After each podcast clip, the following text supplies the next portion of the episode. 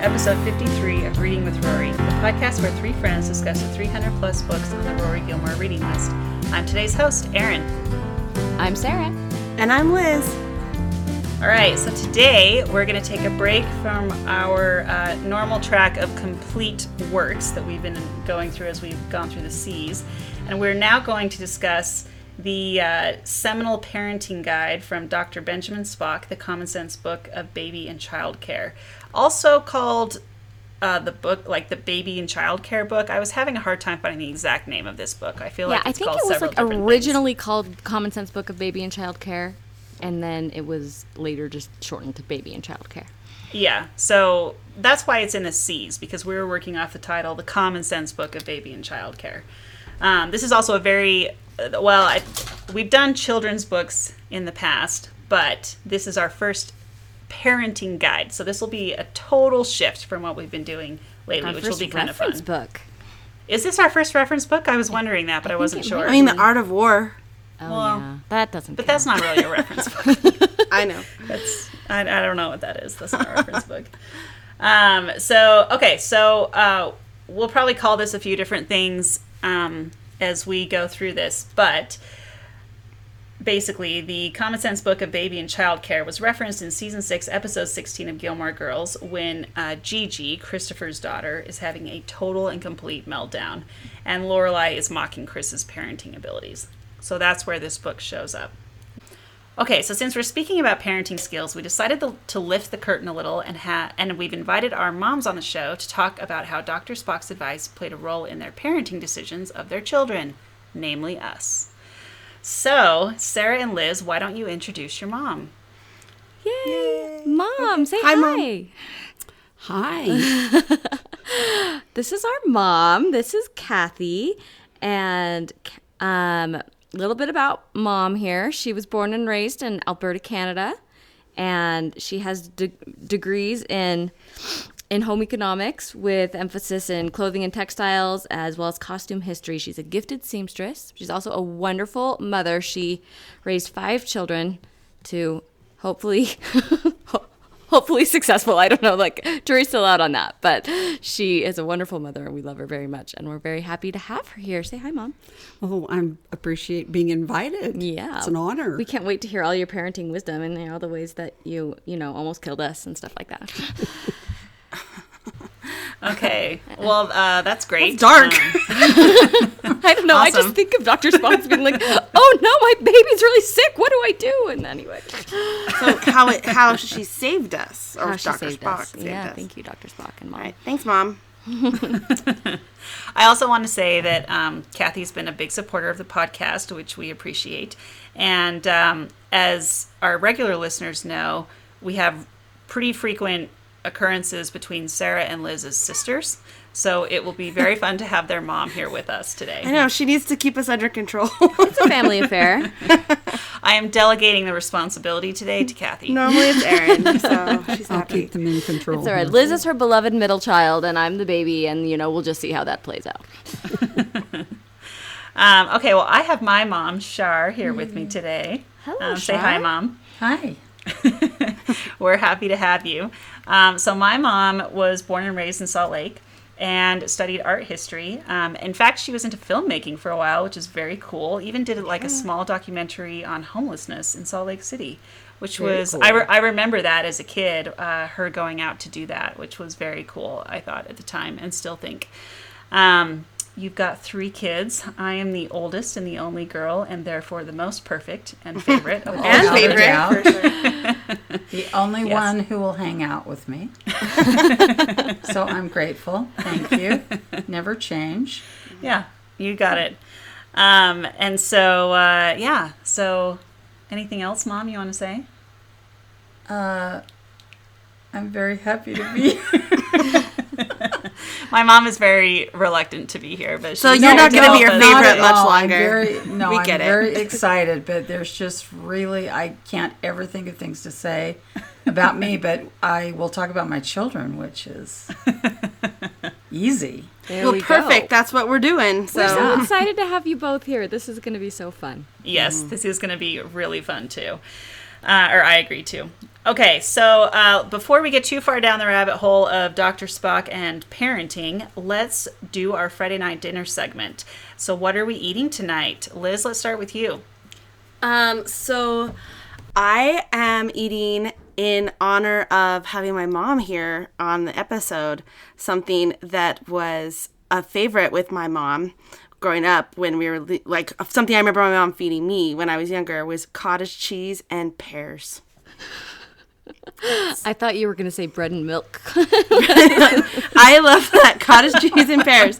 It's 105 degrees outside, so it- this is the perfect, you know, like not hot thing to eat. Doesn't it sound refreshing and cool and oh. healthy? Like Yeah, except that I don't like pears very much, oh. but sure. No, it's Well, a classic. is. Absolute classic. My It- mother it's- fed that to me always. Yes. good taste, good taste. there we go. I like it. It's so healthy, Um, too. It is. Way to go, Liz. Nope, thank you, mom, for teaching me about that combo. All right, Sarah, how about you? Yeah, well, um, me and me and my mom here are sharing some uh, Trader Joe's, very on brand for the podcast. Some Trader Joe's dark chocolate peanut butter cups. Um, were they the ones I gave you for Mother's Day, Mom? Yes, they were. Oh, I feel. Oh, that's so precious. I know it's adorable. So They yeah, guys lasted are- since Mother's Day. so I maybe gave her a lot of them for Mother's Day, so she had a good stash. wow. Oh, you guys are gonna make me look bad here. Um, They're pretty good. Yes, we we are fans over here, just sharing a sweet little snack here while we podcast together. It's adorable. uh, Kathy, anything you want to add to that? No, I don't have anything to add. Just peanut butter cups and ice water. Oh yeah. All right. Again, 105 degrees outside here. That's true. It's very hot outside. Um, okay, well, um, Mom, uh, what about you? What are you eating? Do we need to pause while you go get my snack? So No, we're good. we're, we're good. All right. Uh, just was wondering.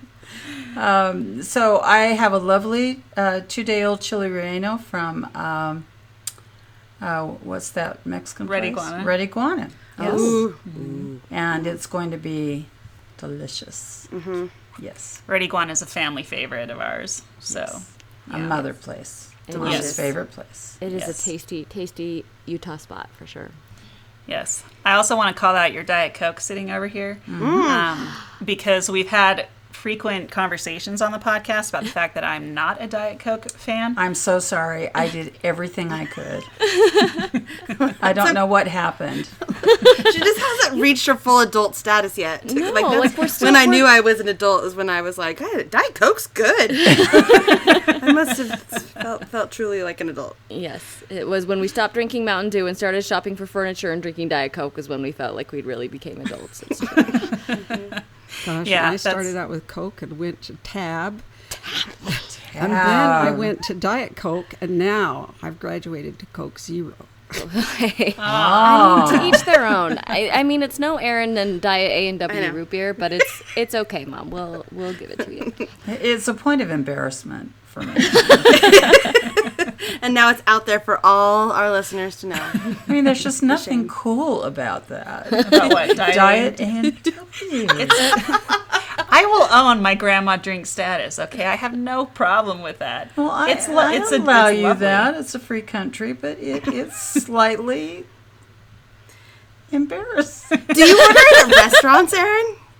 What?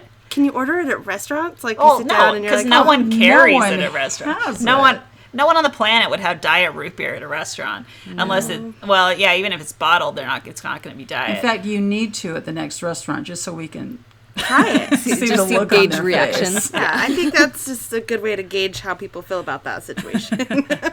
Although to to be fair, both of my brothers like diet A and W root beer, so it's not just a me thing.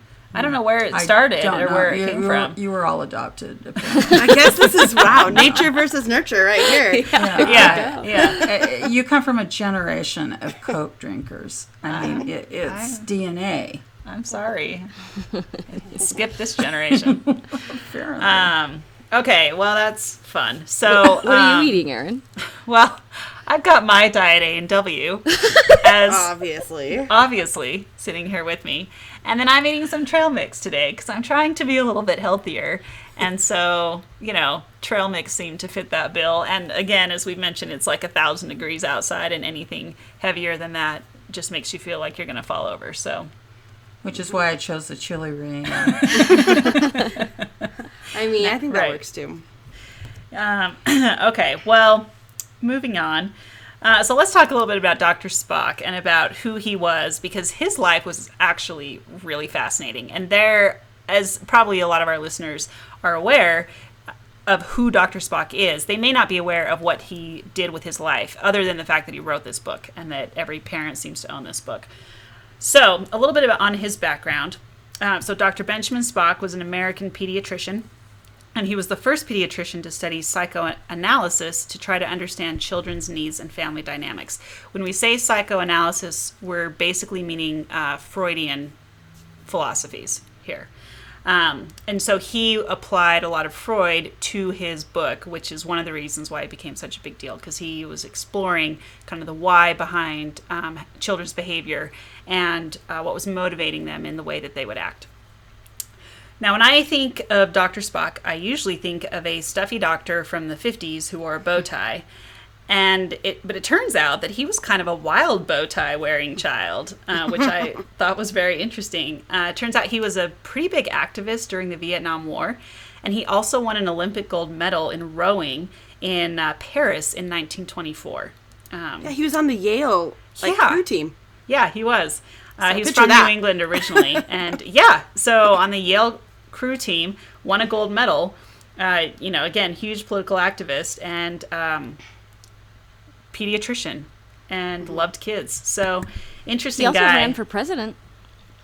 oh, he did. did. Yeah, I, as missed, I like missed the- that one. As like a candidate for the People's Party or something. He was in the seventies. He he was yeah, he was quite the political activist for sure. Yeah. But well, that came after his book. I mean, he published yeah, the book well after. after his book, yeah. So The book was in 1946. So yeah, this was all this was all uh, long after the book, um, which earned him some interesting feedback on the book. He got a lot of criticism for it, which he kind of attributed to people uh, uh, to to backlash on his political philosophies. Um, but it was interesting that that the two often went kind of went hand in hand. Like backlash against one would come as a result of the other, and and so forth. Yeah, yeah, it does. Like that did seem to be something I read too. That so much of the backlash was maybe more tied to his politics than his childcare advice. Was pretty interesting. Yeah. Um, now he and his uh, second wife Mary were so they were very politically active as we've been discussing. They were even arrested several times for civil disobedience, including once for praying on the White House lawn. Um, Well, interesting. there we go. Uh, now, some hot they. goss about Dr. Spock. Uh, so, his wife, his second wife, Mary, was 40 years younger than he was, which is Wow. incredible. yeah, 40 years. But it turns out they had a really good relationship. Um, they kind of, uh, she brought a lot of sort of, you know, modern for the time philosophies to him, introduced him to a, a kind of a new healthy lifestyle. He became a, a vegan and actually put some vegan philosophies into one of his editions that got him some backlash. Um, and kind of introduced him to this, uh, you know, new healthy lifestyle that gave him this deep rooted love for life. And then she uh, she kind of took over the management of his book and his travel schedule. And even though he has passed away, she still manages the publication of the book today. So there you go. Interesting stuff. Wow. Um, an, another fun fact about them for about 20 years, uh, Dr. Spock and his wife Mary lived only on boats, uh, particularly sailboats, and they went back and forth between the Caribbean and Maine. Hey, that's This the was an life. interesting man. yeah. Pretty adventurous. well, I he know. could afford it. I mean, this was like the best-selling book after the Bible, right? Like he's made some money. Yeah. Have his boats, I guess. Yeah, this is like one of the best-selling books of the 20th century. People say he was like one of the most influential people in the 20th century. Like he was a big deal. And to that point, so in 1992, he received the Peace Abbey Courage of Conscience Award at the uh, John F. Kennedy Presidential Library for his lifelong commitment to disarmament and peaceable child rearing, which is a very interesting award. Good to have won. combination. Yeah. yeah. So there you go. Way to go, Dr. Spock. he knew how to handle a crisis. yeah, yeah, he sure did. On on any given magnitude. yeah. Um, okay, so here's a quick synopsis of the um, the uh, baby and child care book from uh, Wikipedia. This one I liked the best, so I pulled it from Wikipedia. It says Spock and his manual helped revolutionize child rearing methods for the post World War II generation. Mothers heavily relied on Spock's advice and appreciated his friendly, reassuring tone. Spock emphasizes in his book that, above all, parents should have confidence in their abilities and trust their instincts. The famous first line of the book reads Trust yourself, you know more than you think you do. Uh, which is pretty cool. So, I want to play a short clip of an interview with Dr. Spock. This is from 1982, I believe. And I'm not entirely sure who is interviewing him in this, to be perfectly honest. I was having a hard time figuring that out. But, um, but he, they talk a little bit about how he got started and um, kind of how he ended up you know, writing uh, kind of how his philosophies came together and how he ended up writing this. Does it talk about his upbringing? Because a little bit, yeah, interesting. Mm-hmm. Okay, go ahead. a little bit. Okay, so here here we go. Dr. Spock has been active in anti-nuclear groups like SANE for many years. He was a prominent spokesperson for the Vietnam War. He's one of the first anti-war spokespersons I heard when I was a student at Columbia University and has continued to be politically active through the years. We want to discuss all of these things with him, but we thought we'd start off with discussing your theories of childcare, which is what got you famous and made you a personality, a national figure in the first place. Could you reflect a little bit on your book that you published first in 1946? It's called Baby and Childcare and has gone through several editions. How did your theory of childcare differ from more traditional theories? And over the years, how have you modified that? That's quite a, an order.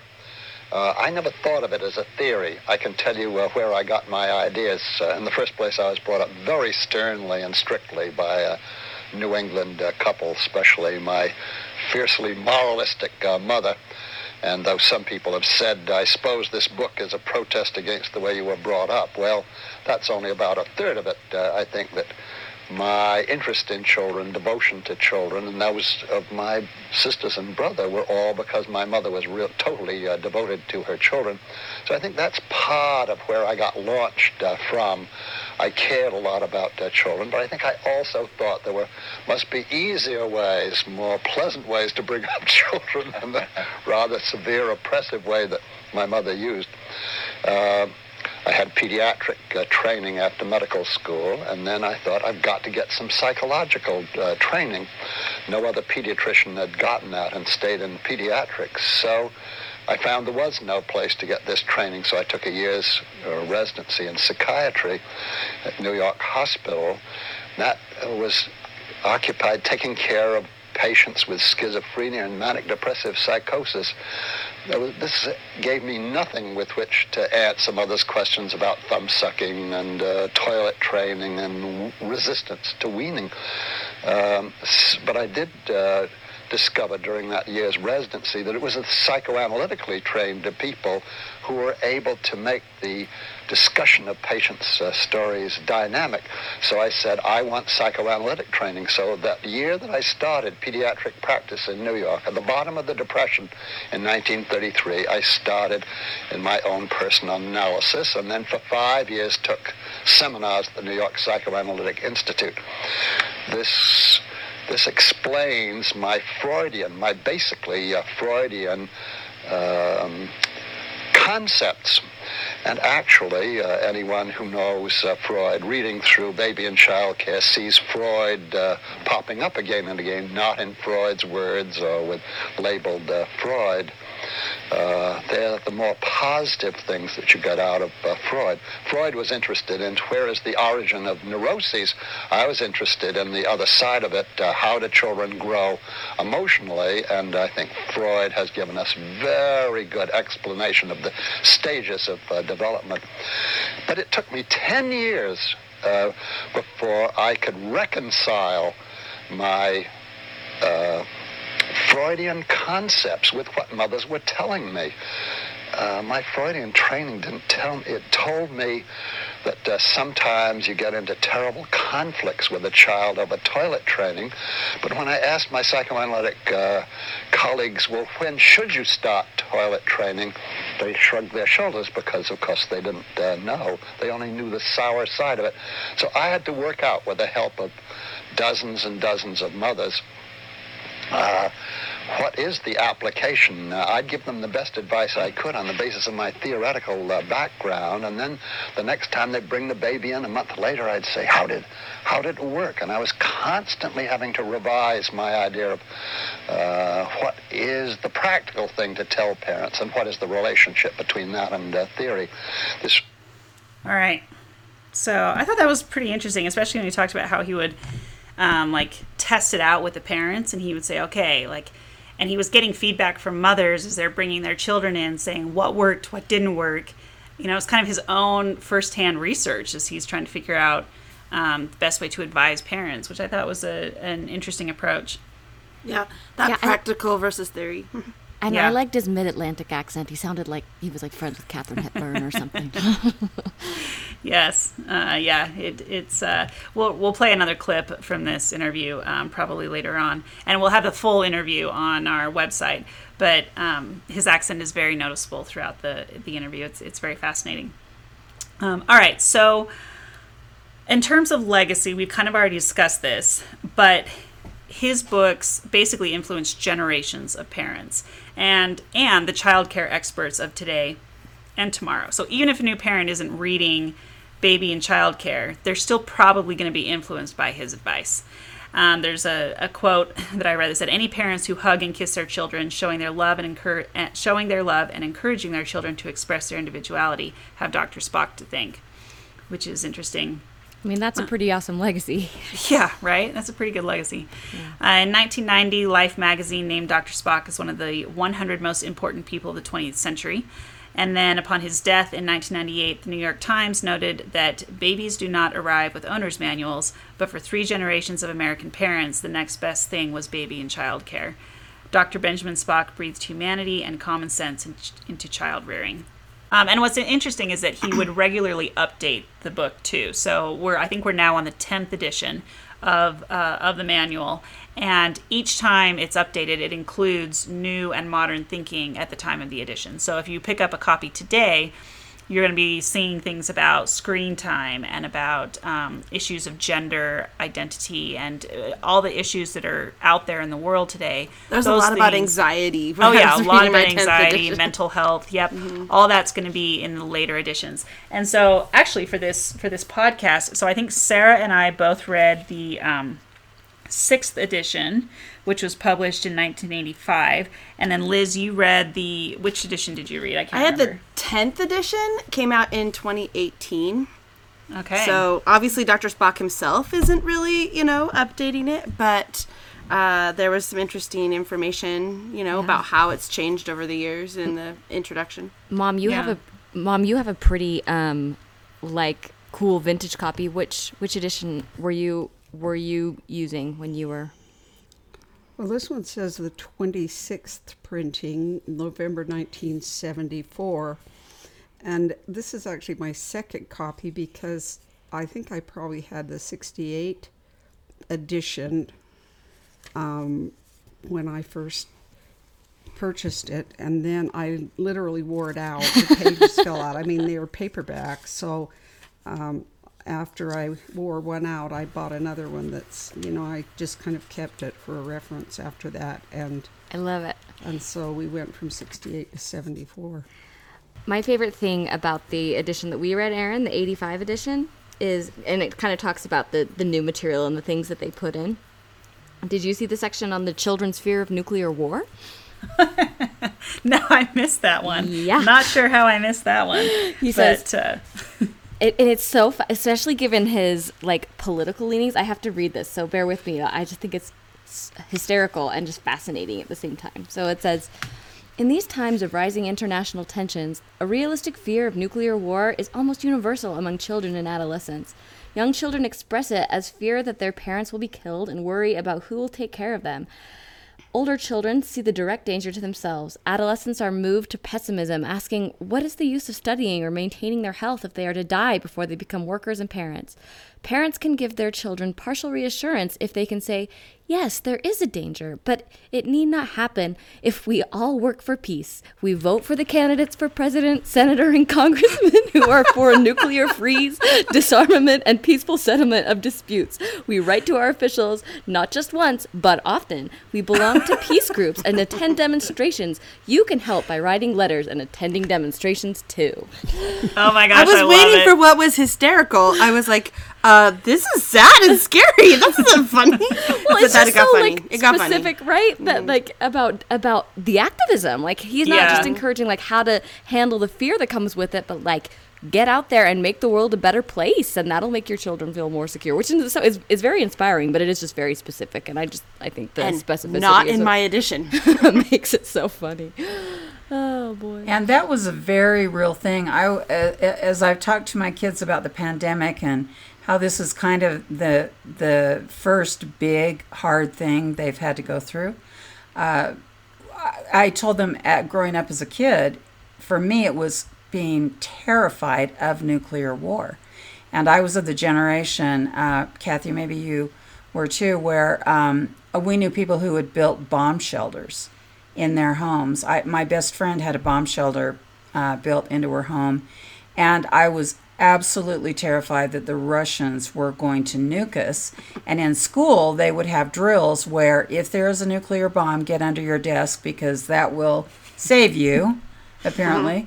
But that was, I mean, it's funny to read it uh, in in the context of today's world, but that was a real fear. And there were a lot of movies, all the movies, you know, uh, the Russians were the bad guys and nuclear war. And so, um, yeah, and, and it really was a deep fear. I remember feeling very scared about it as a kid. Was that something? Because with this one being published in '85, I was born in '85. Was that something you felt like you had to console your children about, Mom? Not at all, not at all. And I didn't, I didn't face that growing up because I grew up in Canada. There she is. There it And is. The same, Ah, no, yeah. the, the same fear of nuclear war was not part of my bringing up. but so I was aware that that it, that children at that time, you know, that those things went on. They had drills, just like fire drills. And Did you have drills or- in Canada? We had fire drills. You didn't have bomb No, no, shelter drills, no. whatever those are called. I don't think that's what those are called. Nuclear. yeah, nuclear drills. Nuclear attack drills. Yeah. Yeah, that is Um, that. I guess I didn't think of that as being a uniquely American experience, but of course it would have been. That's interesting. But I'm sure kids Yeah. were terrified about things like that if they had to think about it. And I compare it today a little bit to the to the shootings that have gone on with little children today and having schools locked down and all of that sort of thing. E- You know, every child seems like probably has their generation of There's some sort of fear that you Fear. Some have to- issue. external fear. Yeah. Wow. Yeah. Liz, does your copy talk about school shootings at all or violence in I, it, media or anything? it didn't, but I mean, with like the, there's all the section about anxiety and about like uh, where it came from with like violence. I mean, they mentioned violence with like anxiety around that or anxiety around social like cyberbullying and like I mean just all the there's a lot of stuff that kids have to be afraid of right now. But I mean, I can tell you from my perspective as a teacher that those drills are scary, right? Like at school, kids they ask a lot of questions and are like what what if this happens? What if this happens? And like i don't know. I mean there's so i can imagine you know his advice about you know reassuring their fears and but listening to them like follows across the board. Common sense thank you you know dr spock but like you you have to calm those fears whatever they are Well, of what- right But what I thought was so interesting, like I said, is not only calming those fears, but again, encouraging them to take action. Was there still that tone of political activism in the most recent edition, Liz, that you looked at? Mm-mm.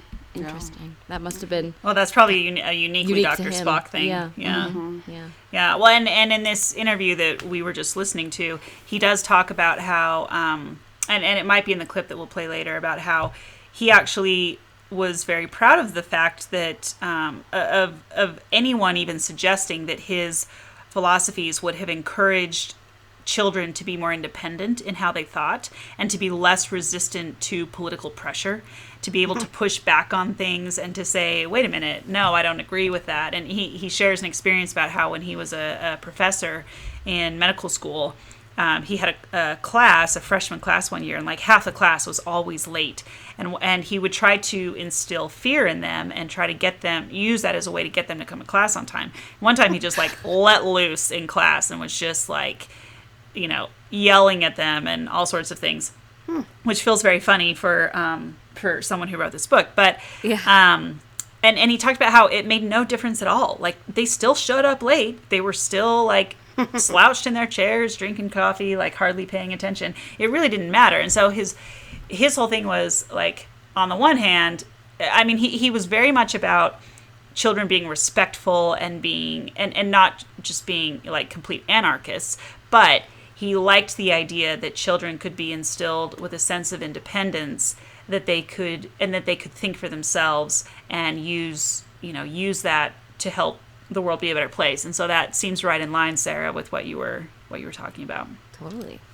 Um, I did read a blog, or I don't even. It was something. It wasn't like a big mainstream like publication like honoring him, but it was someone who was kind of attributing um, his his influence, his three generations of influence um, on like why crime rates have gone up and why in the 60s all the activism went on and they just like a hundred percent like Yeah. they blame him and they're like you know all of a sudden people um like we've indulged children so much that we've we've mistaken love for um like indulgence for like it was it, it was a very it was, a very pointed yeah. yeah. like but a very pointed criticism on his end so i can imagine him as like a professor being like wait did i create this problem like Well, I why aren't they listening to me Spiro their parents aren't doing a good job Yeah, well, was it was I read that Spiro Agnew, who was Nixon's vice president, like called Spock out specifically as like this over permissiveness created this generation of,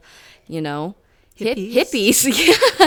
Yeah. and and like he addresses that in like in this edition that I read too. He has a kind of a thing not calling out Agnew specifically, but like responding to that. So like when it's like the vice president is criticizing your like that's you just don't see that kind of like permeation into the there's not like one book that just literally like every person reads to the point that we just don't have that anymore. There's the internet and there's like all these Facebook groups and mo- like just I just think of like the the massive influence this has in in an era before before the internet. And I think that it's just a totally different experience and the and and gave it the weight that it you know that it had because it was that but that was all there was. There wasn't all these mommy groups and and there wasn't the same amount of like I don't know. I shouldn't say I wasn't alive then, but like i was like maybe there were but mom, did you know. feel like did you feel like cuz I remember you saying growing up that like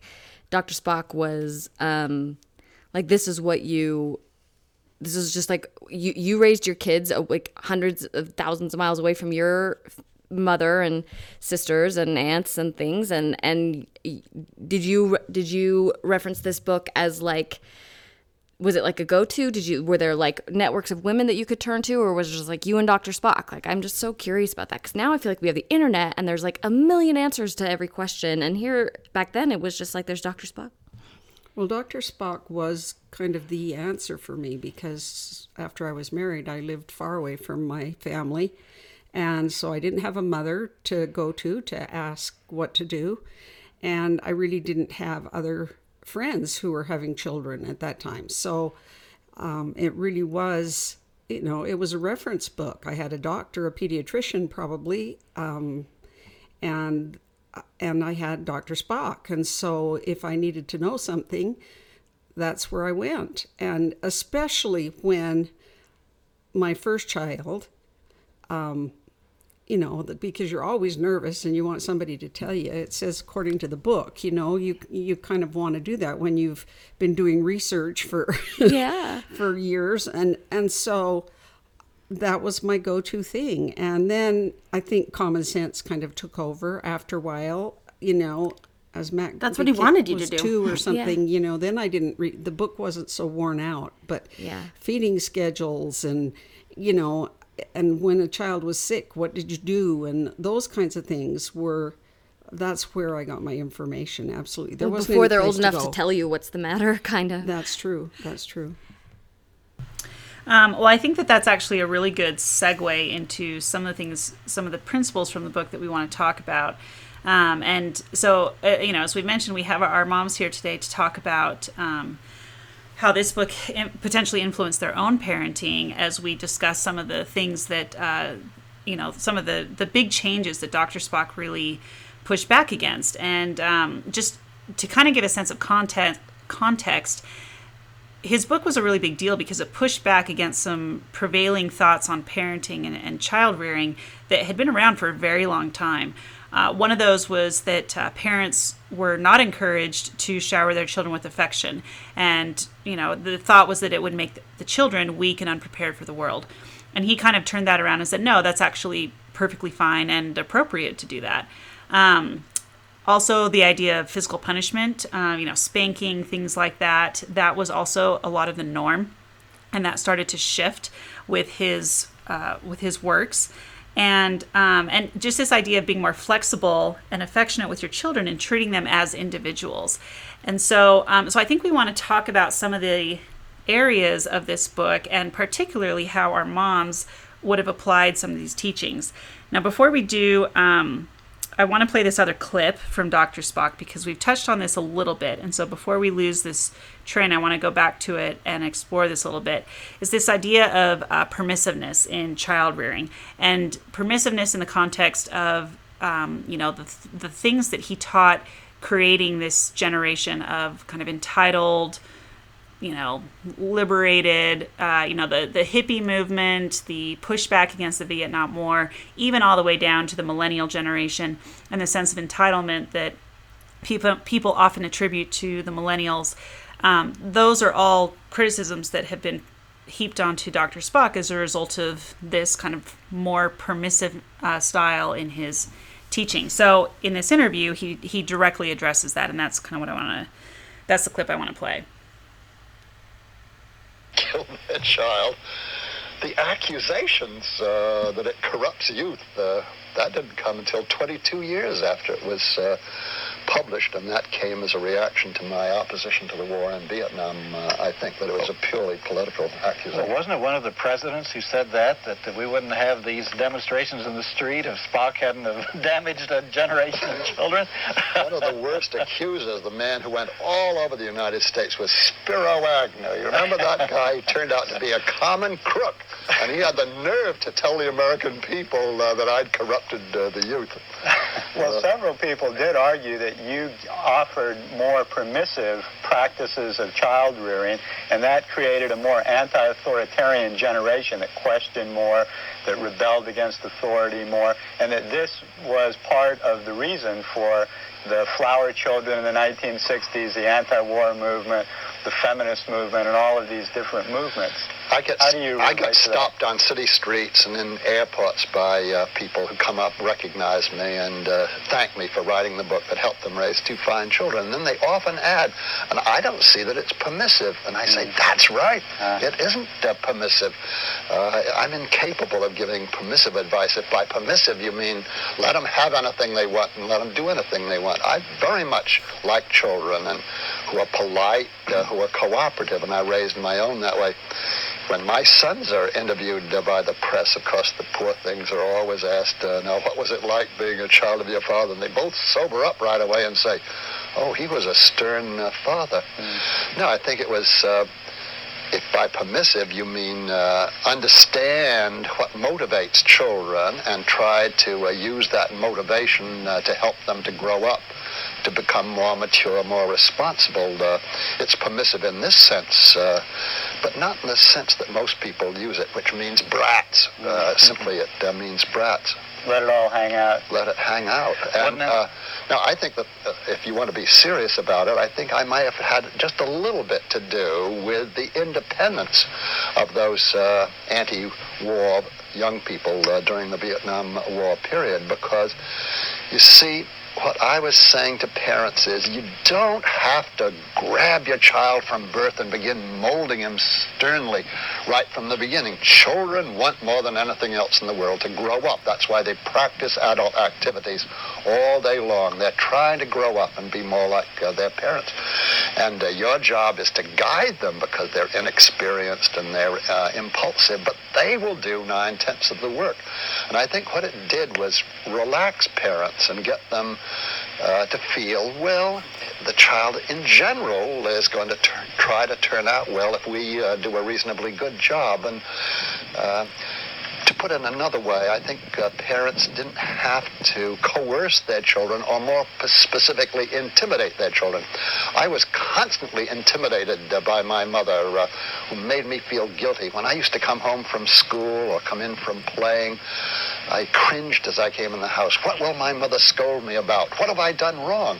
I hadn't done anything wrong, but I always felt as if I'd done wrong. Well, I think that my book helped parents not to intimidate uh, their children.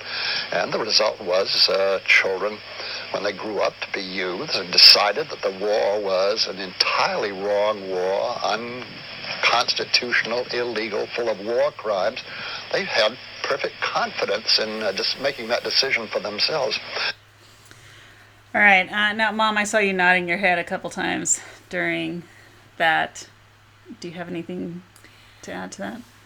Uh, it's just so great to hear the interview. And I was thinking how it went from parents um, who tried to mold uh, their children uh, to be the people they wanted them to be and live the life they wanted for them to parents who understand that your job is to nurture your child and let them find out who they are and be the best person they can be. And uh, how different that is and how how enlightened that is and he helped make that happen And how did you? Because I know from my perspective how I would have seen that growing up from the way that you know you guys raised me. But how did that influence the way that you parented us? Because you know me and my brothers are very different, um, very different personalities, and so what kinds of things did you do? Like for example, I can think that I think about the fact that when I was younger, you wanted us all to play an instrument and to do some sort of sport. And you didn't care what it was, but you wanted us to, to choose something. And so you would put us in a lot of different things. You know, I did dance, I did gymnastics, I did soccer, I did, um, I can't think of what else I did, and then ended up settling on swimming. And then we did a year of piano and then got to choose a different instrument. And I chose violin. Um, Rob chose, what did he choose? Well, he kind of went with the guitar, Guitar. eventually. Yeah. Yeah. Um, anyway, and so like we all chose, and he ended up in soccer, and then Tyson did football for a while, and you know we all kind of did our own separate thing. So I think about that as a way where you kind of let us explore things that were interesting to us while guiding us to do good and interesting extracurricular activities. So I mean, you know, is there anything else you can think of where you kind of use that when you were raising three very different children? well i think um, you know it was fitting into my philosophy that you know music is good uh, provides you know great development in a lot of areas the same with sports but i was very interested to see what you guys would um, settle on yourselves because I had observed um, people around me who uh, maybe they themselves were, you know, very um, into a certain instrument and they wanted their child to play that instrument. There was a lot of pressure, lots of lessons, lots of practice time. And eventually the child would get to the point where if it if it wasn't in your heart to do it as a child, you were not going to stay with it there would come a time of reckoning when you would say, I'm done. And I was more interested in finding out what was in your heart, what, what, oh, you know, your passion, I suppose. And uh, that's why I encourage you to try those things, but yet to find, uh, like you said, which particular sport. I would have never have guessed swimming for you. I would have thought dance. You will love dance. You hated dance. I still want you to be a dancer. Erin, you by the hated dance? Well, I like to I like to dance, but I I actually did. I, I hated going to dance lessons. Got I it, hated got it. it. Yeah, she's supposed to be a dancer, so I failed. Aw, And no. uh, yeah, and you were supposed to love the violin, and you didn't. And and the piano didn't like piano. All three of them have ended up playing the guitar. It's the only thing they like. And uh, yeah, Tyson was supposed to be a football player, and all he cared about was skiing. Yeah. Nothing else mattered. And it's been fun to watch the journey because I really do believe in that. I, I do not think you can you can force your children to do things up to a point. They're not going to be happy, but you know you you can kind of do that. I, I wonder, Kathy, if you agree with that. But at some point, they're going to say, "I'm done. No, that's about you. That's not about me, and I'm I'm moving on." Yeah. I'm curious, Mom. Yeah, what do you think about that? Well, I think that um, children do need to develop their own interests. Um, it does take some encouragement. Did you have Did you have expectations for your kids that they ended up? I was not very well rounded myself, and so my interest was more musical, and and I mean that was what I did growing up, and so I wanted my children to have musical training, and um, so everybody took piano lessons, and everybody um, For a long time. and I took and piano lessons for like 14 years. practicing, and we we got a few pianists out of it. Yeah. you know, and um, but it is true that We, yeah, we weren't as successful athletes. well, yes, athleticism didn't, and I'm- and I'm sorry I didn't encourage my daughters to do more in athletics, but I'm okay. I don't think That wasn't my interest. It's cool. No, no, and and of course, reading was just kind of the love in Yeah. most of our family, you know, and of course that that's been a love, and as you can see with this podcast, my daughters love to read. What are you talking about? No.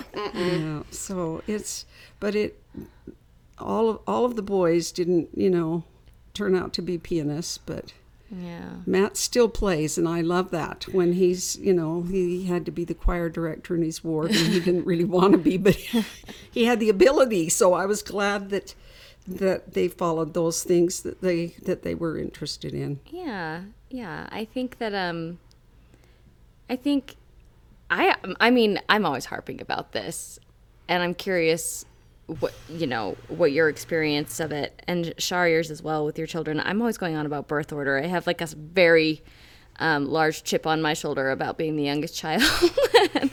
and maybe that's not the best way to put it, but I do just find like the way that birth order affects your children's personalities and life experiences is massive and and how you parent your child did you parent your children obviously you're going to parent them differently your oldest versus your youngest but like was it conscious? Was it just like all right i'm so tired now like let's just make sure you're not dead at the end of the day kind of a thing or you're maybe a little more con- and i say that with like love and appreciation. I can't imagine how hard it would be to raise five children and and um, and you have help you have other kids that will that will that are there to help with the younger ones and so that helps too but i'm curious how um how you know with the child rearing experience the older the olders versus the youngers do you do you feel like it was just like you got like more comfortable with it and so it was just kind of came easier and you could just trusted that you know the kids are going to be whatever or like you just got less nervous i just find it so interesting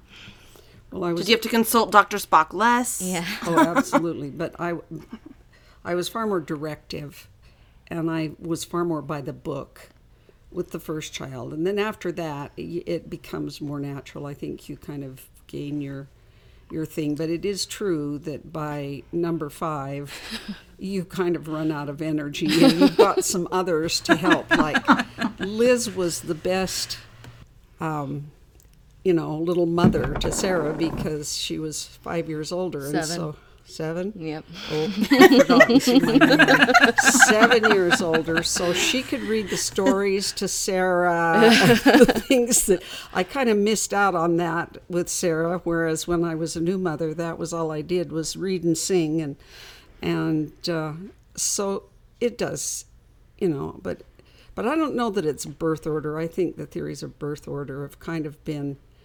Um, I don't know what Dr. Spock actually says about it. Or I'll look it up. I'll look it up. Look it up. Keep Look talking. it up. Yeah. Yeah, look it up. And and mom, I'm going to ask you the same question while Liz is looking that up. Did you feel like birth order played a role in, or you know, personalities? Like, I don't know. What do you think about all that? Uh, total believer, hundred percent.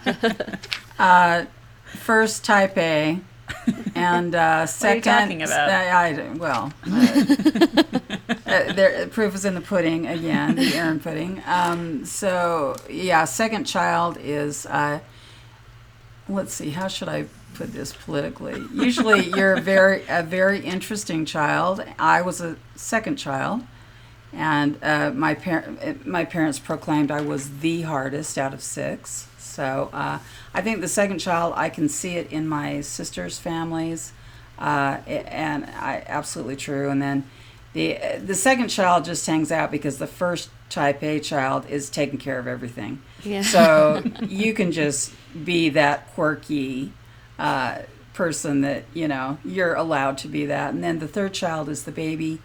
Uh, all the attention is on the baby. I agree that by your last child, you've kind of figured a lot of things out, um, and and you're a lot. I think I don't think it's as much about permissiveness. I think it's just about having found your your um, uh, what's the Your term? Like your rhythm. Yeah, yeah, you found you figured it out, and uh, you have confidence, and so uh, you're not you're just you know that first child you're just sitting on the edge of your chair all the time. I remember Erin's pediatrician one time gave me a book, one of his medical books, because he was so tired of me He's like, please stop calling. He's so stressed She's out fine. She's fine. and terrified. Yeah, I went in one day and he said, "I- "I've got this for you." I was like, "Oh no, I I thought I had been so chill." And uh, and with your last baby, it's like, can we just do this by phone? You know, please. But by the Um, third I baby, I, I knew what was. Um, I mean, I knew uh, I was pretty good at diagnosing by then, and uh, having actually caught a couple of kind of serious things when my kids were little, and so I just kind of had the confidence that I knew what was going on, which Uh-oh, I don't think it was permissiveness at all. I think I just you just kind of hit your stride. Yeah, it's funny, Sarah, that you talk about um, having a chip on your shoulder for being the youngest because we are always giving my youngest brother crap about being the youngest child because Yeah. he could just It's literally probably giving do him a chip on he his shoulder. no, I don't think it gave him. He just is. He's just well. He's first of all like one of the most laid back people on the planet, and which is very funny because my other brother and I are not laid back people um and so, which maybe that factored into it because i think he was just like i'm just here for the ride like Mm-hmm. whatever um Well, this is what Dr. Spock says. Are you ready? Oh, Yeah. yes. Okay. It makes a difference where a child falls in the family. For example, oldest children tend to be task oriented leaders and organizers. Youngest children are often spontaneous, self involved, and a bit irresponsible. Middle children have less clear cut roles and often end up finding their identities doing very different things from the other members of their families. Only children tend to combine all the characteristics. These are only generalizations, of course. The dynamics within each family are unique. For example, if more than five years have passed between children, a youngest child might respond in some ways like an only child. If there's only about a year between children, they may act like twins. And then it goes on to say, as a parent, you may be able to understand and influence these forces, but you can't really control them. so Yep. You go agree Spock. Yeah, there you go. totally agree. That's hilarious. Um, I'm I'm curious to know too between um, Kathy and Shar here, kind of how you managed um, schedules, especially as kids got older. You know, what did you do with things like curfews? How did you handle um, just sort of parenting children and sort of uh, like that aspect of raising a child? Does that make sense? Mom, why don't you go first? I wasn't hardcore about things because I my feeling was I wanted you guys to go and have fun and and do as you know as much as you could when you were growing up and just enjoy that. But I do believe in the um, nothing good happens after midnight rule. And so I would want you guys to be home by then. And I always wanted to know where you were. And the night that my third child almost died, uh, was the when, the night he broke every one of my rules. I didn't know where he was. He was out past midnight, and he when I tried to find him and call him, he uh, he was in, in an area where there wasn't any cell service. So I said to him, if at any point you had stopped and followed one of my rules, you would not have ended upside down in a car on top of some rocks at the stake center Yeah. you know, and, and totaled the car and, you know, thank heavens for seatbelts. And so I said, at any point, any point, if you had followed one of the rules.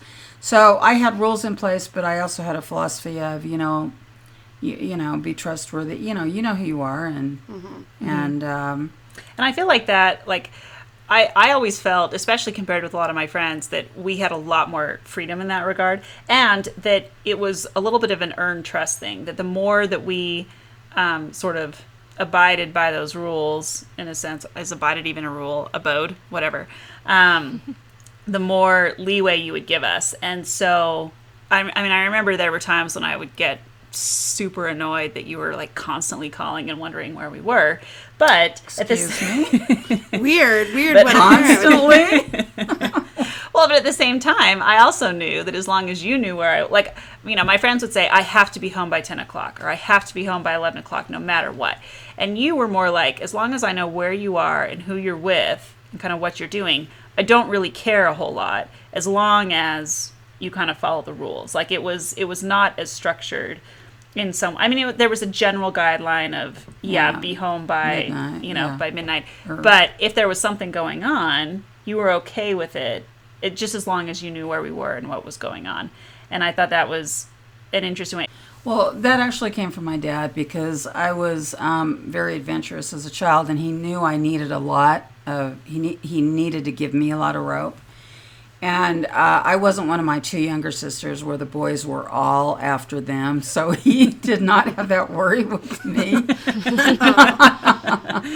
but he knew I was uh, very adventurous, so he said to me, "As long as you don't ever give me a reason not to trust you, you know, I I'll I'll give you, you know, you've got some room here. And I value that so much that I never violated it. So when he would hear one of my friends come and knock on my bedroom window, I was in the basement underneath his room at two o'clock in the morning, you know, telling me to go out and mess around. I mean, he heard it and he let me because, and that was a lot of rope. But Yeah. he also did trust me and he knew we would just be hanging out, you know, and, and I, as a kid, I needed that and I appreciated it. Now, you didn't have that much rope. No. None of you did. but um, I did learn the value of trust and having my parents trust me and how far that would go. Yeah. And that was good. That's Interesting. awesome. Mom, I would say my experience, I, I wasn't the kind of kid that would use a lot of rope, even if it was given it to me, but I, it was given to me and I would just kind of like left it sitting there and used to be like, why are you home reading a book? Please go out with your friends. That's true. That happened when we got to you. It was like, why don't you go out and do something? hey, hold on.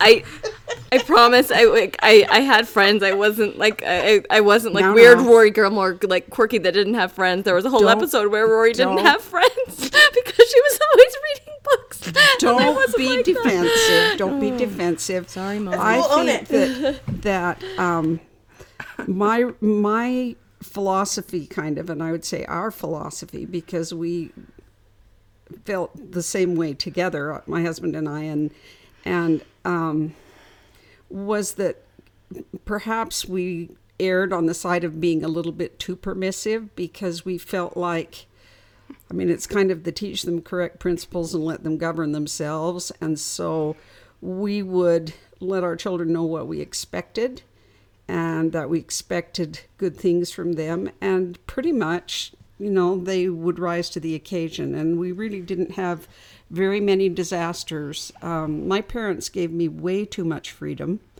Um, and in fact, when I was growing up, I used to make up curfews and stuff to, because I was the only one that didn't have one, and I didn't want to tell my friends that I didn't have one, so I would make one up, you know, just so that I so that I, you know, so I really did have too much freedom, and and we had curfews with our own children. We we had curfews, but I think did? you learn by doing and I was like, I don't remember curfew. Well, do we you? did not have curfew. Well- we here is what I remember. You could say what you want to say, but I was. This is it. Just check in when you get home, and we would like knock on the door. I'm home. Okay, good night.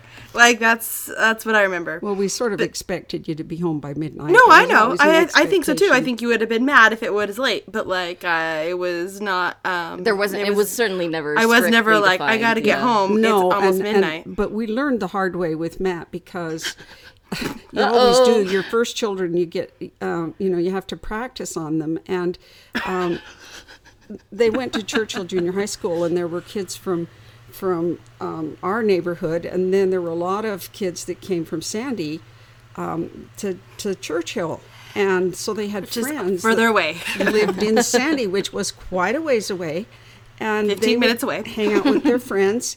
And one night, he, Matt called because he was always good to call and say, um, you know, I'm going to go to so and no, he, I'm going to go to my friend's house. That's what he said. I'm going to go to my friend's house, and um, you know, I'll be back at whatever time it was. Well, he didn't come back, and he didn't come back, and it got to be one o'clock, and, And then this it was pre-cell to be- phones? And yes, this was definitely pre. Well, all of my children were pre cell phones. Sort of. I had a cell phone. This is the in high school. '80s, though. We're talking the wild '80s. Go ahead. yeah and and um so we were just panicked it's like well we didn't ask him which friend he was going to. He just said it was out in sandy. How are we going to find out what happened to him or where he went? I mean we were just panic stricken because he and finally about two o'clock he came home and he said well, it was my friend's sister was going to give us a ride home, and we were watching a movie, and she fell asleep, and so, and and it was like, oh my gosh, we're never going to make that mistake again to not know where they're going to be. And So you know, learned from experience. Yes, you do mm-hmm. learn from experience. Would and- did your other did your other kids give you any of that?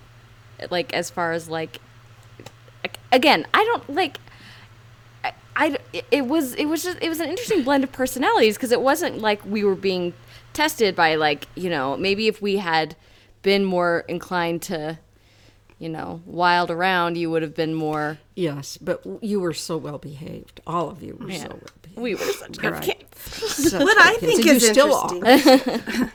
I think it's interesting because both of you talked about it, right? Both Mom and Sharp, how your nurt- your upbringing shaped how you raised your own children. And it was in Spock's book. I was reading it, and he said that it's either going to have two influences on you. You're either going to go eh, the opposite of how you were raised. You're like that was did not work. I have to do something different.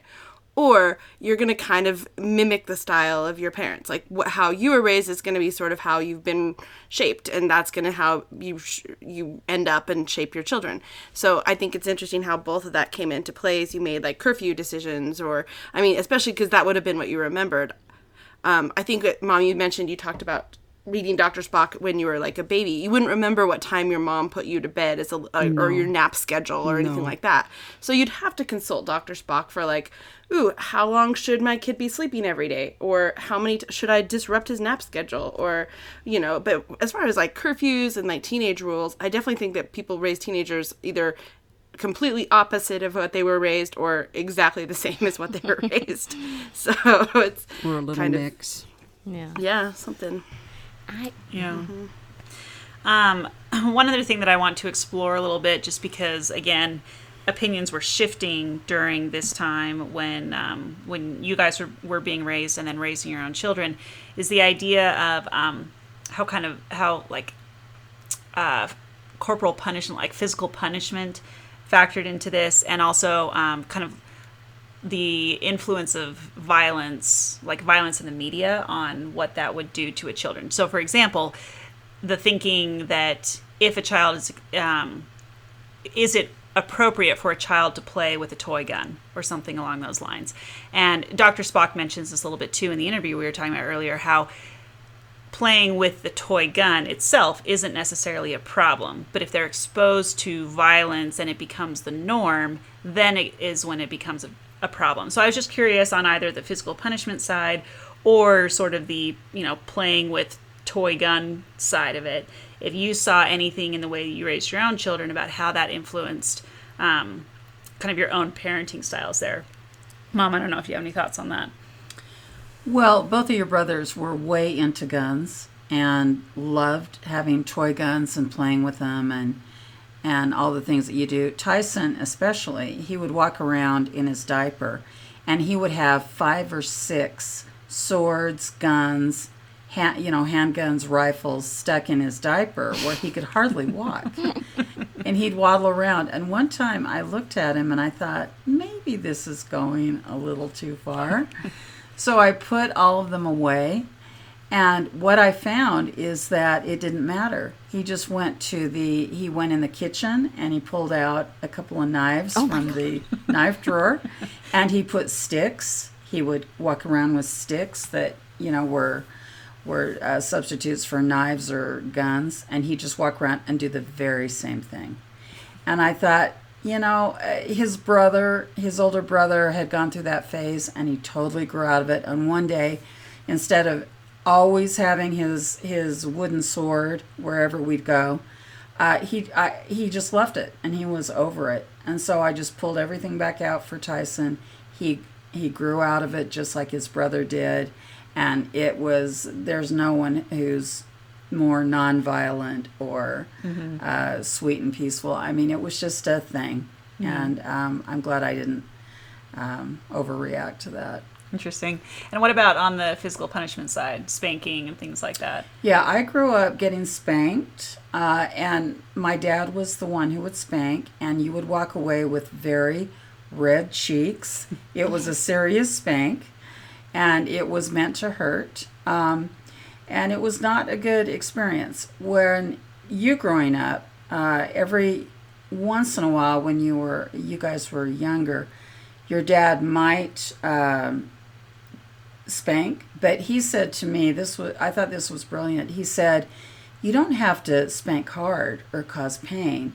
He said, "Just the idea of, you know, the the child being in trouble, you can just do a light spank and they'll get the message." And so he would, you know, he would he would uh, just do a very light tap, you know, and nothing, no force behind it at all. And it was fascinating because whoever got the tap would just burst into tears as if it had been a very serious. I mean, I can only remember that happening once or twice. yeah, I only remember that when I was very it was young. very very Yeah. rare, and then very quickly uh, it all became about time out, and you know talking and talking to the child about you know they had to go sit and think about what they'd done wrong, and then you had to go have a little talk about you know why they were on timeout, and then they had to go apologize to their brother for whatever they had done or their sister, and then it was over, and uh, spanking just absolutely went away. Yeah. I remember too being young and I would I mean this is mostly reflective of my personality, but I would be so upset if I got in trouble um, that I would go hide in my well even if I th- knew that I had done something wrong, but you hadn't found out about it yet. I, and I knew it was coming. I would be so upset about the idea of being in trouble. And this is again has nothing to do with the way you actually parented me, but I, like just from my own nature. I would sit, I would stew about it, and I remember I used to write you letters confessing to what I had done. What? And I would leave them on the table for you to find them.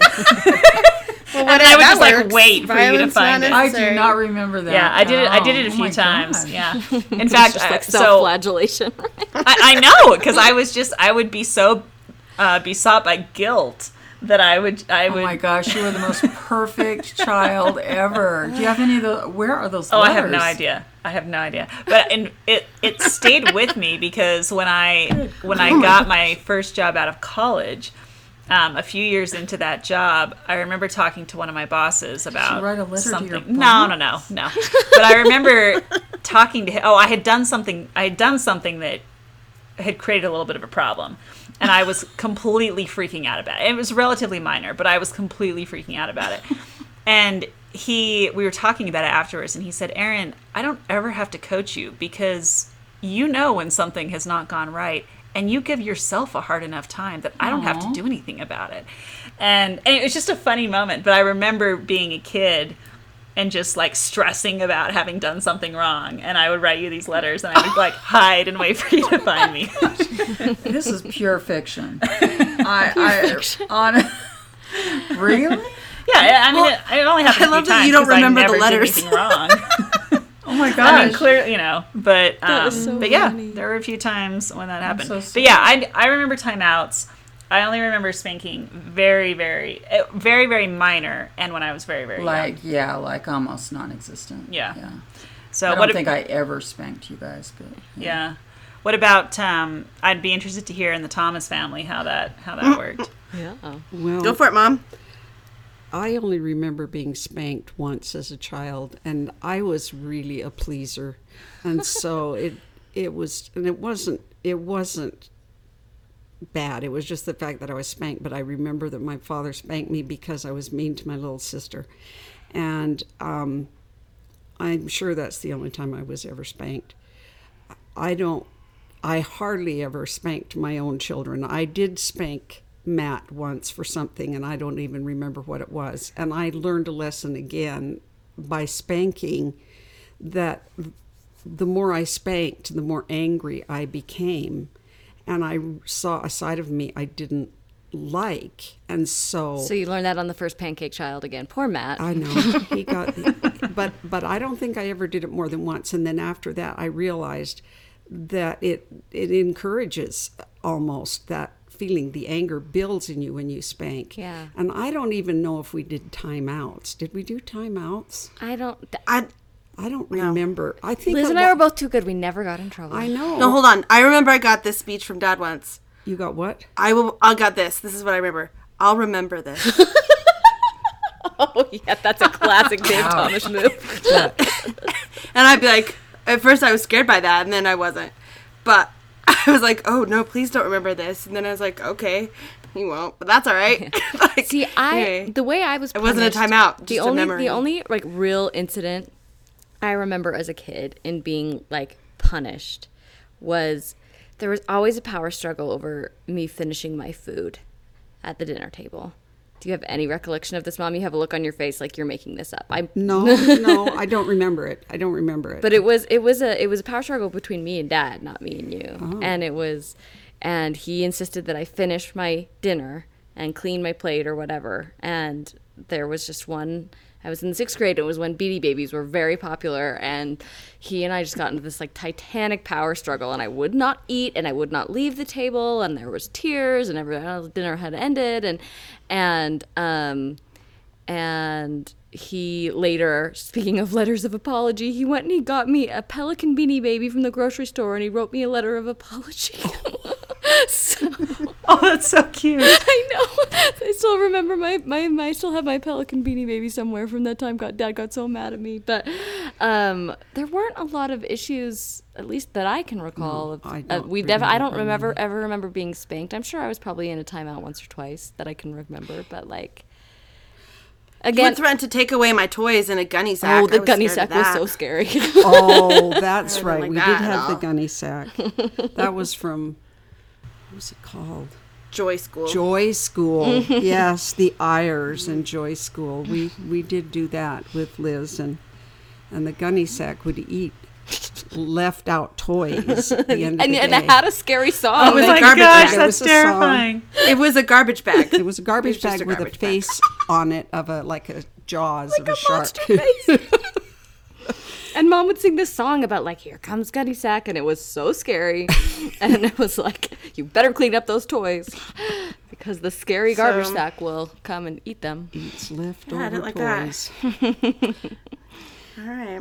Sounds like we were really problem children. oh yes, really problem. Just the normal, Mm-hmm. the normal things. I, I remember PTA a PTA meeting where we had a psychologist come and teach teaching us that we had to teach our children that they were lovable and capable, and it still sticks with me to give your children IALAC messages and teach them that they're lovable and capable and. And and I think that was I our- messages. What are IALAC messages? I am loving and capable. oh, it's an acronym. Okay. yes and um, and I think that that was, you know, that was the overall philosophy. But it probably wasn't too different from Doctor Spock. It's just that I didn't ever read his philosophy as he. As you the know, kids my got older. got older, it was more. It really was more kind of trial and error than anything else. which I think is what he wanted to encourage Yeah. you to do. So I think that's Yes. directly in But I line with that. Trust your instincts, right? Yeah. Don't just result like everyone has a different approach to it and a different um, you know, way of doing it and every kid's different. So it's an art, not a science. I do love Yep. that, you know, as we talked about, you know, that he did challenge that that notion of, you know, you shouldn't show affection to your child. I think I read in his obituary like the preceding expert whatever his name was, I forget, but like was like famously quoted as like never kiss your child and never rock their cradle. Like you couldn't like the, this was this generation of children that had been raised and even before that, you know, like how how awful that would be and and and so I feel grateful that, you know, there people that the the discourse moved in the direction of of showing love and affection and support. But maybe we've gone a little bit too far because with the millennials today, or Oh, even no. I don't know if they're, no, because you're We're all millennials here. know what the generation Liz is I'm not a millennial. Oh, that's true. Liz might not be, but no, but but the generation following the millennials, whatever they are, the ones that have the helicopter moms, The kids these just, days. that just what's the matter with kids today? You know, I mean the cell phones and the and they can't But here's do the their thing: I do think that like every generation, like people have thought that, and they turn out pretty much okay, right? Like they'll they'll figure it out. It'll be okay. I feel like. it seems to it seems to work out, Yeah. but it'll be interesting. Well, um, on that note, I do think it's a good time to move into our pop culture segment. And I want to start out by talking about Three Men and a Baby. Um, because I know that this is a favorite for Liz. And, um, and I, I want you to know that I rewatched this in preparation for this today because I knew how excited Liz was about it. And I was like, it's been a long time since I've seen that movie. And oh. anyway, so for those who don't know, Three Men and a Baby is a movie from 1987 starring Tom Selleck, Ted Danson, and Steve Guttenberg. And it's about these three bachelors in New York City who live in a completely unrealistic apartment. You want to you want to you want to talk about the friend's apartment being unrealistic. Well, this one is completely off the charts. Anyway, But, and like, they Tom Selleck was an architect. He designed it. Right, but still, where in Manhattan are they going to get that property? Anyway, so um, and they end up with a baby, and it, it's it's Ted Danson's baby, but um, but they have to care for it, and they've never dealt with it. They have no idea what to do with the baby, and so at one point you see them using Doctor Spock's book to try to figure out how to care for this child, and so. Um, Anyway, so I just want to highlight highlight that one, Liz. I don't know if there's anything in particular you want to say about it, but I'll, I'll give you the floor Well, here. You don't have to. I mean, I don't have a lot to say. Just that I do remember them mentioning Doctor Spock in that movie. Like they figured it out. Like they. Well, they you yeah, they were like, "Here's this baby, we don't know what to do," and then there's like shots of them like, you know, panicking, panicking and consulting three minute uh, th- Doctor Spock, excuse me. But Yep. here's the thing: the premise of that movie is so wildly sexist. it has not aged well. Can we talk about that? Well, most of these haven't, Sarah. Let's be honest. Although, I mean, there are some. Also, the premise, the whole like drug storyline.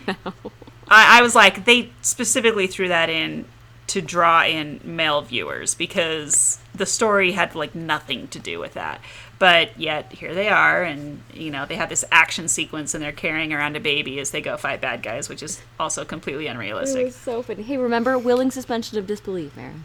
It- It's true.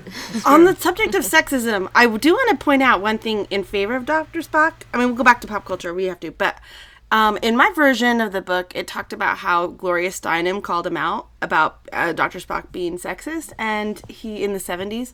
And he didn't really like that. He, I think, wanted to. He wanted to go back and change. So the things that she took issue with, I guess he criticized mothers who put people in daycare, and then he talked about um, I, I think like er- all the uh, like uh, you know the like the, the pronouns that were used like, gender lot to do with like roles. gender roles. And so anyway, in subsequent editions, he changed it, and he went in and he made a big uh, push to change what it sounded like and what it looked like. And so I want to commend him for being a man in his 60s who had a woman tell him that he was sexist, and he didn't just like get mad. And he just kind of like changed his thinking. Yeah, he didn't get changed defensive. his He book. was like, oh, Yeah. took it to heart and was like, yeah, I'll change that.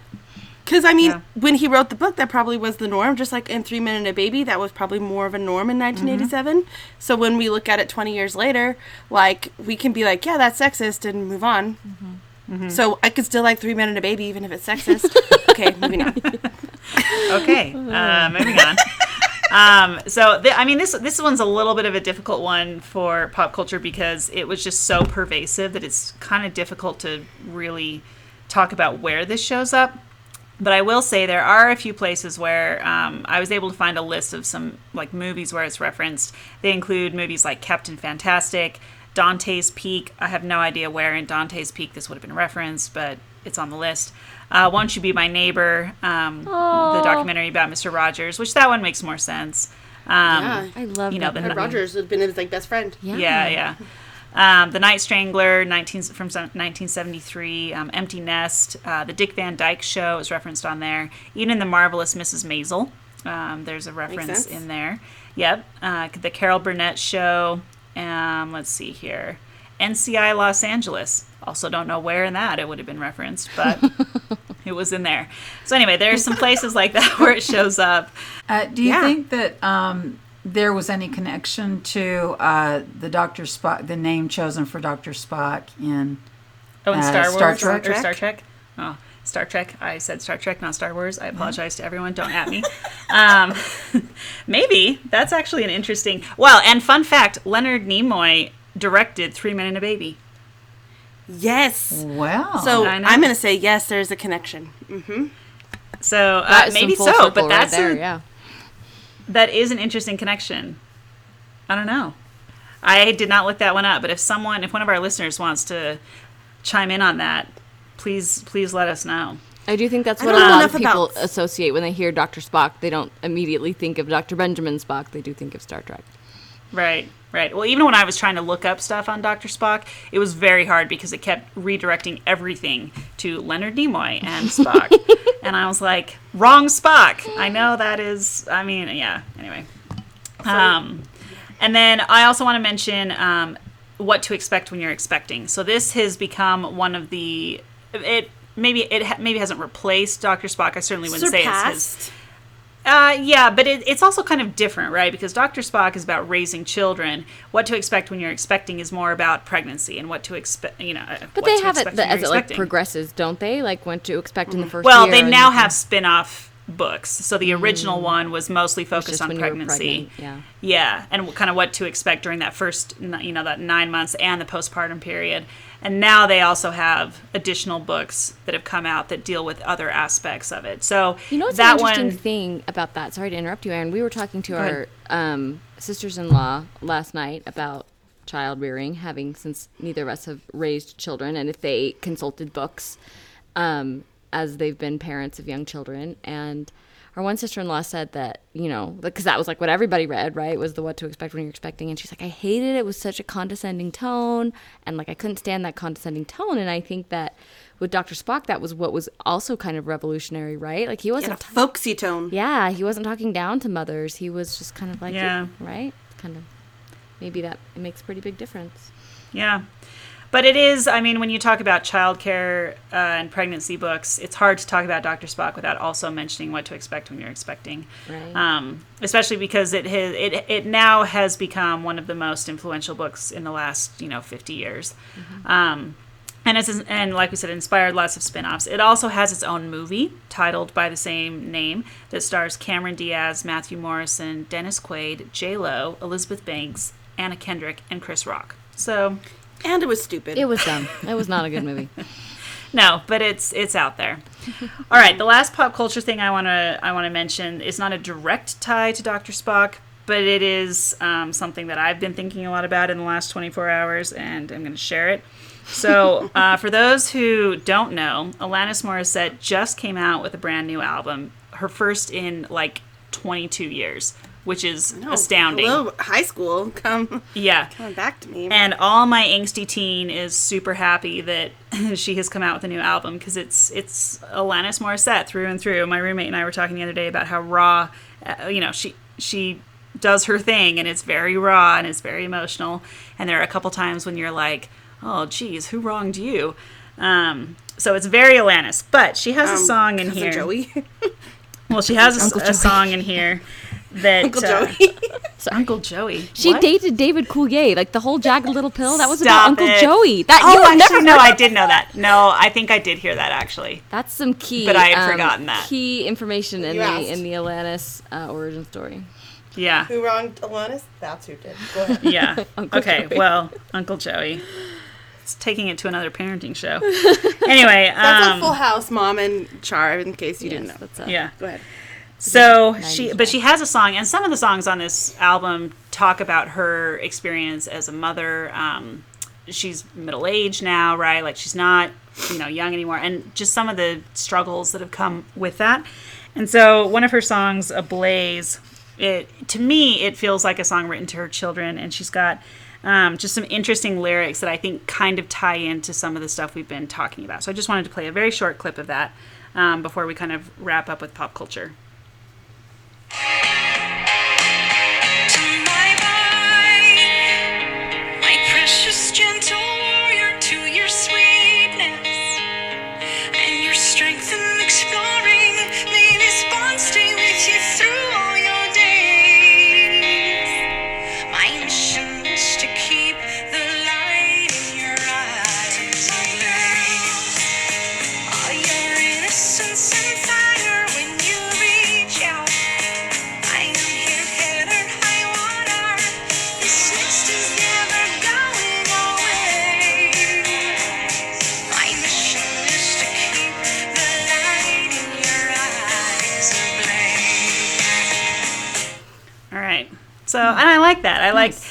even though the there, I mean, there are songs on the album that deal with postpartum depression and alcoholism and real struggles, real, real struggles.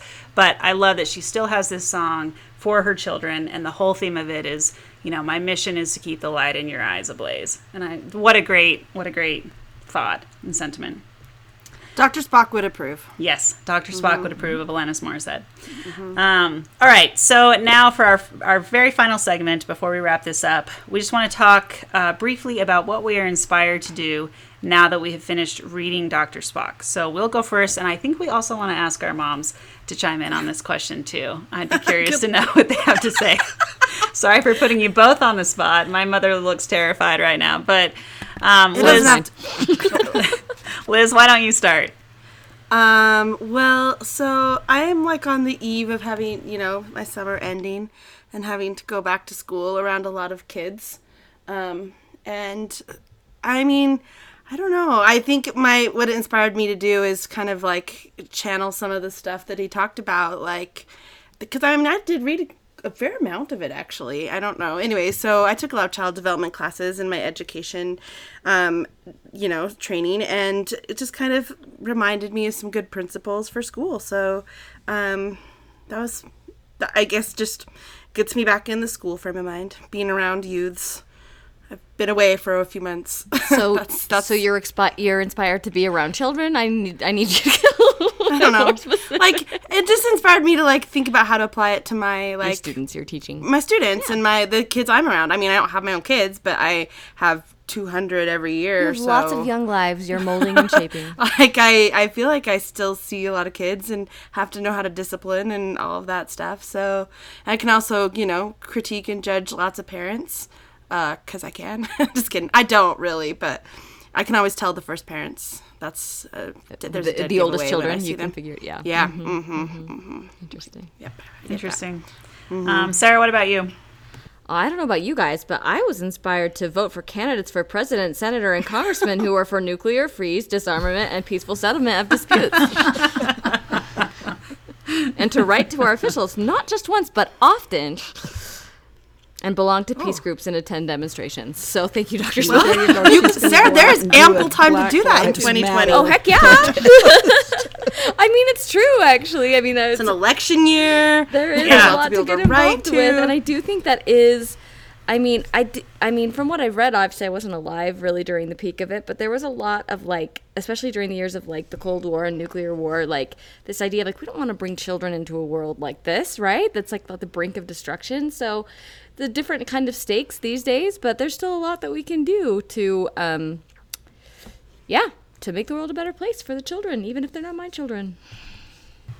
Love it. That's great. Inspiring. Thanks, mom. Um, I think on on my part, I was kind of similar to Liz, where I thought it's um, it's easy, especially for me, where I am a little bit more type A. Little?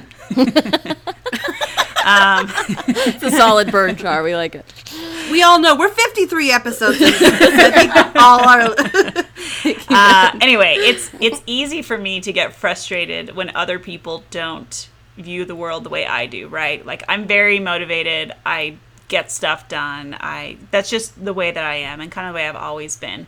And this was a good reminder in a lot of ways that people have their own way of getting through life. And and this is definitely something that I've been learning as I've been becoming a real adult and, you know, experiencing the world and just gaining more wisdom as a human. But it was a good reminder that like it's not just young children who have their own path to pursue. It's adults too. And we often stop talking about human development when we get to adults, but that doesn't mean that humans stop developing when they become when they turn 19, right? Like there's still a lot more development that happens over the whole course of your life. And everybody's still on some path towards finding that. And to, you know, again to Liz's point, right? Like I don't have children of my own, but to the extent that I'm around other people, I can still, you know, whether it's in mentorship opportunities that I have or you know management positions or or whatever it is right? Any sort of thing where you're guiding the actions of another person these principles i think still apply. And letting them find their own course and guiding them um, in a way that's not like micromanaging them. And so that's that's kind of what i walked away with it you just drink that diet A and W, Erin. Find your own path. yes i will find my own path thank Find you diet a and w and you'll you'll reach that adulthood stage soon. I'm sure.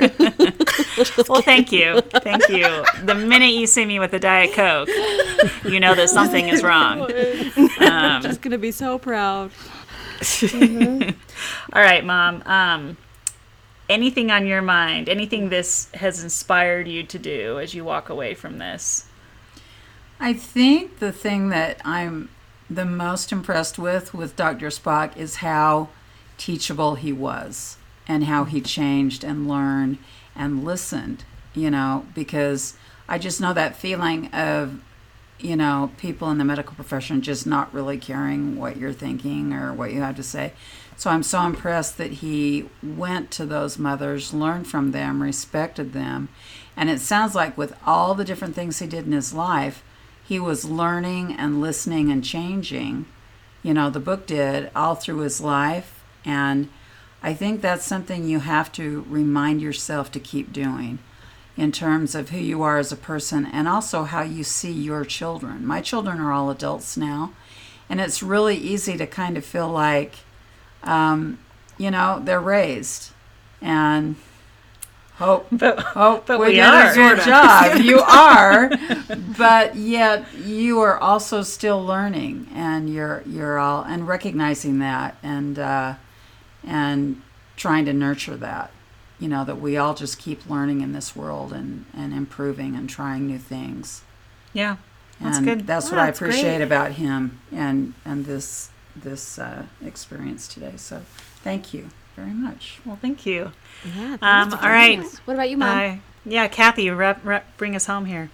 Well, blank. No, I really agree with with what Erin and char both of you said about how we're all on a path of becoming, and um, and so it, it, is. You know, some of these things are are applicable as you know, of being open minded and being willing to learn new things and um, but I also reflect because I have 11 grandchildren, and sometimes as a parent and a grandparent, you tend to be a little bit critical of how your grandchildren are being raised or whatever. Not to them because you can't, but you know sometimes you you t- look at that and and you just really have to back off, of course, and let your children uh, raise their children. But at the same time, you can still teach the loving and accepting and uh, having, you know, providing that extra amount of love to those little developing children and and so that's kind of where I think of it is how you you never can stop influencing children no matter how old you are um, you can always make a difference and I do think I'm so impressed I guess because I'd never thought of Dr. Spock as being having that much influence um, and and I do think that at least in in this English culture that we have, that people are kinder, and um, I mean, there's we see lots of things that we don't like, but there there's people. I think people are better as a whole than maybe they were. You know, back when Dr. Spock wrote this book and and talked about making people feel worthwhile, making children feel worthwhile, and following their their dreams, and and that maybe the world is a better place because of him. And so that's kind of A healthier what place. Me. Yeah, for sure. It makes Ah, me think great. of uh, the Help, right? When um, Viola Davis's character is talking to the little girl, right? Yeah. And she's she's worried about how that little girl's going to be raised. Makes me think of that. Totally. Um, Um, there's a whole chapter about grandparents in the book, by the way. well, then so- I'll read it. That'll be my takeaway. I'll read the grandparent chapter. I'll bring you the new edition because I don't know, Mom. The 1974 edition. Things are a lot different today than 1974. But mom, your um, four of your five children were sitting around last night talking about what a wonderful grandmother you are. So you have done a good job as a grandma. Well, thank you. I will attest to that. um, well, thank you so much for joining both of you. Um, we really appreciated having you on the podcast today. It's been a lot of fun. And It was the um, best. Yay! Hopefully, not too much of a tell-all on on us, but Yeah, uh, you talk about how boring and lame I was in high school. Oh, I That's held awesome. so much back, Erin. I mean, if everyone comes away knowing I was the favorite, that's They already knew. It's fine. Yeah, I really that just, I'm old. I really just wanted to use this to reestablish my favorite position, which I try to remind my parents of on a fairly frequent basis. I Um, think the parents have to make each of their children feel like they're the favorite. I'm not sure that, that I always do that. That. That would be the ideal position to make them all think they're the favorite. I'm like, good job, mom.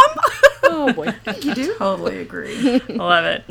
All right. Well, um, well, what did you, our listeners, think of the Common Sense Book of Baby and Child Care? Um, start a conversation with us on Twitter, Instagram, and Facebook at Reading with Rory, or find us on our website at readingwithrory.com. You can also follow us on Spotify for playlists inspired by the books that we read. I'm not entirely sure what we'll have on this playlist, but follow us because we've got lots of good ones. Also, don't forget to leave us a review. We love to hear how we're doing, and it really does help new listeners find us um, if you leave a review. So please help us uh, help us out that way. We would appreciate it. Next time on Reading with Rory, we'll be continuing on with our trend of complete works with the complete novels of Dawn Powell. So thanks for listening and reading along with us, and we'll catch you next time.